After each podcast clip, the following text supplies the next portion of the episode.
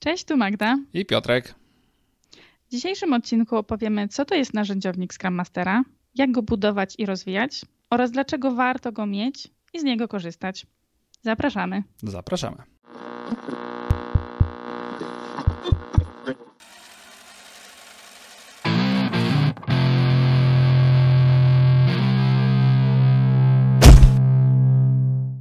Witamy w kolejnym odcinku podcastu Co z tym Agilem. Dzisiejszy temat e, odcinka to narzędziownik Scrum Mastera. Ale zanim przejdziemy do tego tematu, chcielibyśmy zaprosić Was na nasz webinar, który zaplanowaliśmy na 16 maja o godzinie 18 tutaj na naszym kanale na YouTube. Webinar będzie oczywiście dostępny dla wszystkich zupełnie bezpłatnie i postaramy się w tym webinarze ująć wszystko, co musisz wiedzieć, żeby efektywnie pracować zwinnie, korzystając z Jiry. Także zapraszamy, a teraz przechodzimy już do meritum dzisiejszego odcinka, czyli narzędziownika. Magda, co to jest ten narzędziownik Scrum Mastera? No właśnie, co to jest, na co to, po co to komu? Ehm, tak jak każdy mechanik czy majster ma swoją skrzynkę z narzędziami, e, takimi jak młotek, śrubokręt e, czy klucz e, francuski, tak samo Scrum Master może mieć swoją bazę wiedzy, bazę narzędzi, które pozwolą efektywnie wykonywać swoją pracę.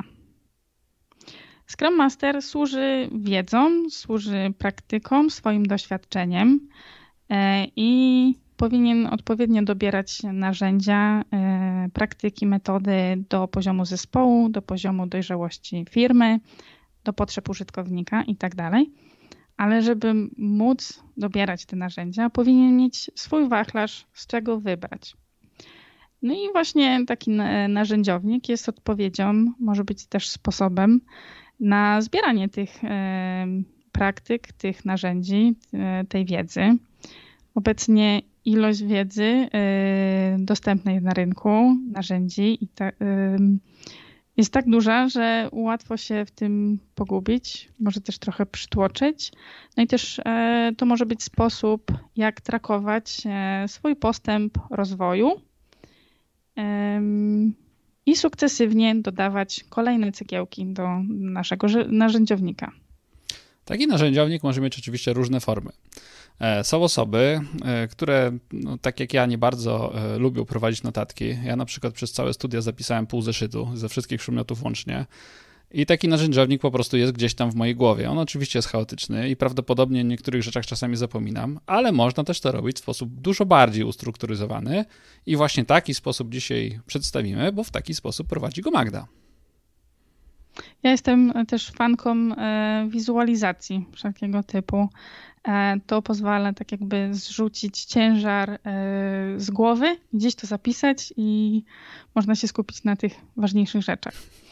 No i jak tworzyć narzędziownik? Ja na przykład sobie e, kategoryzuję narzędzia i tutaj widać akurat niektóre kategorie, które znalazły się w moim narzędziowniku, takie jak wydarzenia Scrum gotowe szablony czy narzędzia, e, co można użyć podczas e, konkretnych e, wydarzeń. Skalowanie, czyli frameworking do skalowania, jeżeli pracujemy nad produktem więcej niż z jednym zespołem. Techniki inżynieryjne, bo przynajmniej warto kojarzyć, wiedzieć, że coś takiego jest, żeby zrozumieć, z jakimi problemami E, boryka się zespół oraz e, metryki, czy to produktowe, czy procesowe. Warto je znać, zbierać i odpowiednio dopasowywać do każdego zespołu. E, wizja produktu to jest coś pomocne przy pracy z product ownerem. Wiadomo, nikt nie mówi product ownerowi, co ma włożyć do product backlogu, ale możemy podpowiedzieć, e, jakie, jakich narzędzi użyć, żeby tą wizję zbudować, żeby e, lepiej wyjaśnić, co tak naprawdę e, budujemy. Lub na przykład pomysły na warsztaty, w jaki sposób, fajny sposób, łatwy przekazać wiedzę zespołowi, organizacji.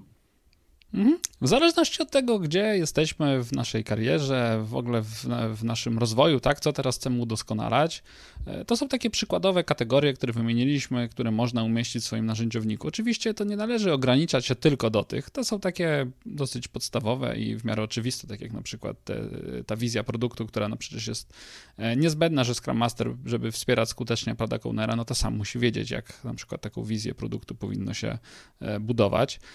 Natomiast, no, tak jak mówię, nie ograniczamy się do tych kategorii i w zależności od tego, czego potrzebujemy, to to możemy systematycznie dokładać do naszego narzędziownika. Dokładnie.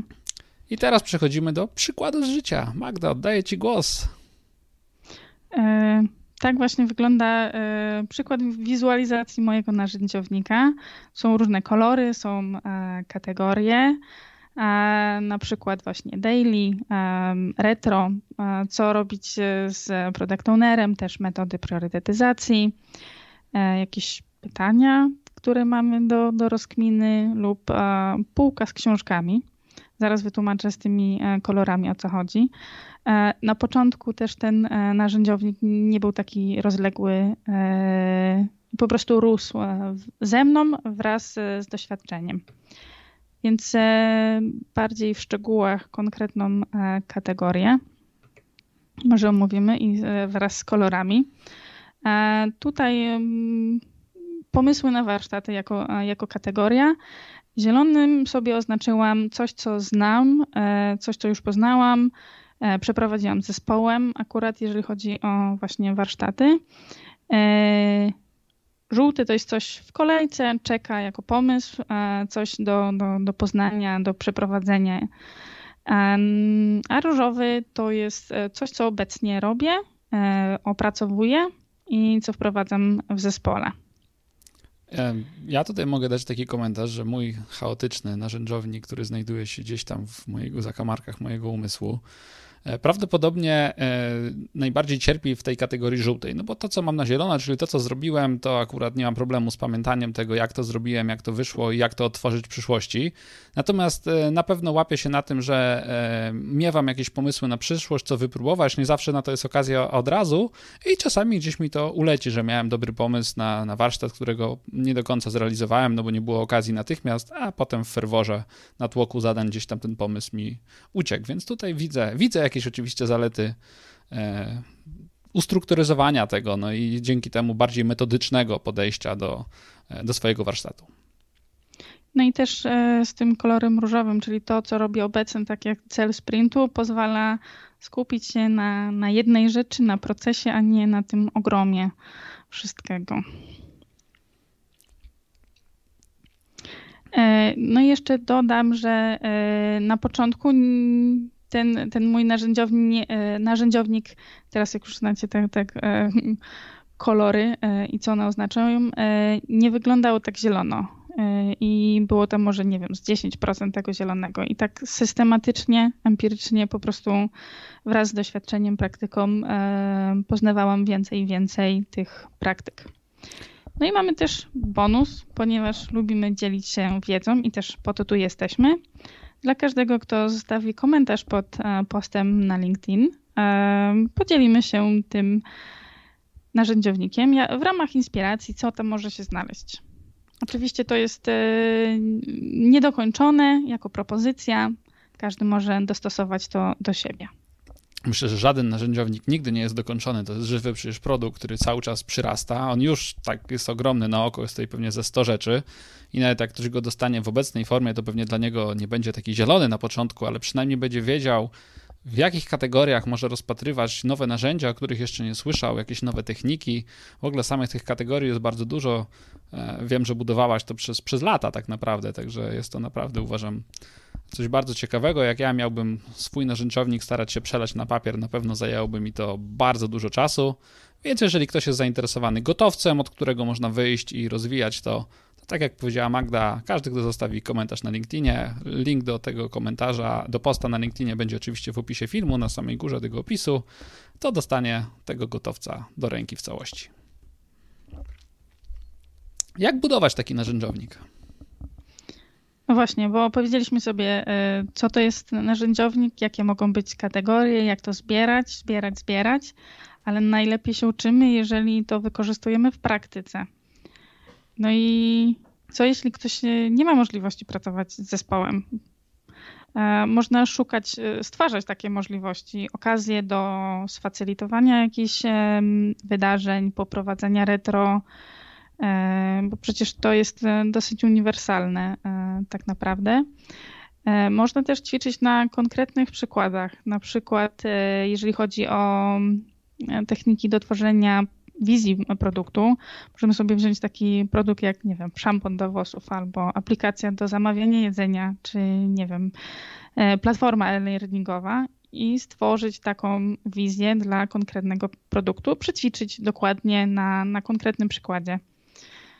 Samemu ze sobą lub e, po prostu pro, proponować czy to product ownerowi, czy w zespole, E, po prostu wykorzystywać to. E, lub jeżeli chodzi o metody przeprowadzania retro, za każdym razem e, spróbujmy wykorzystać inny szablon.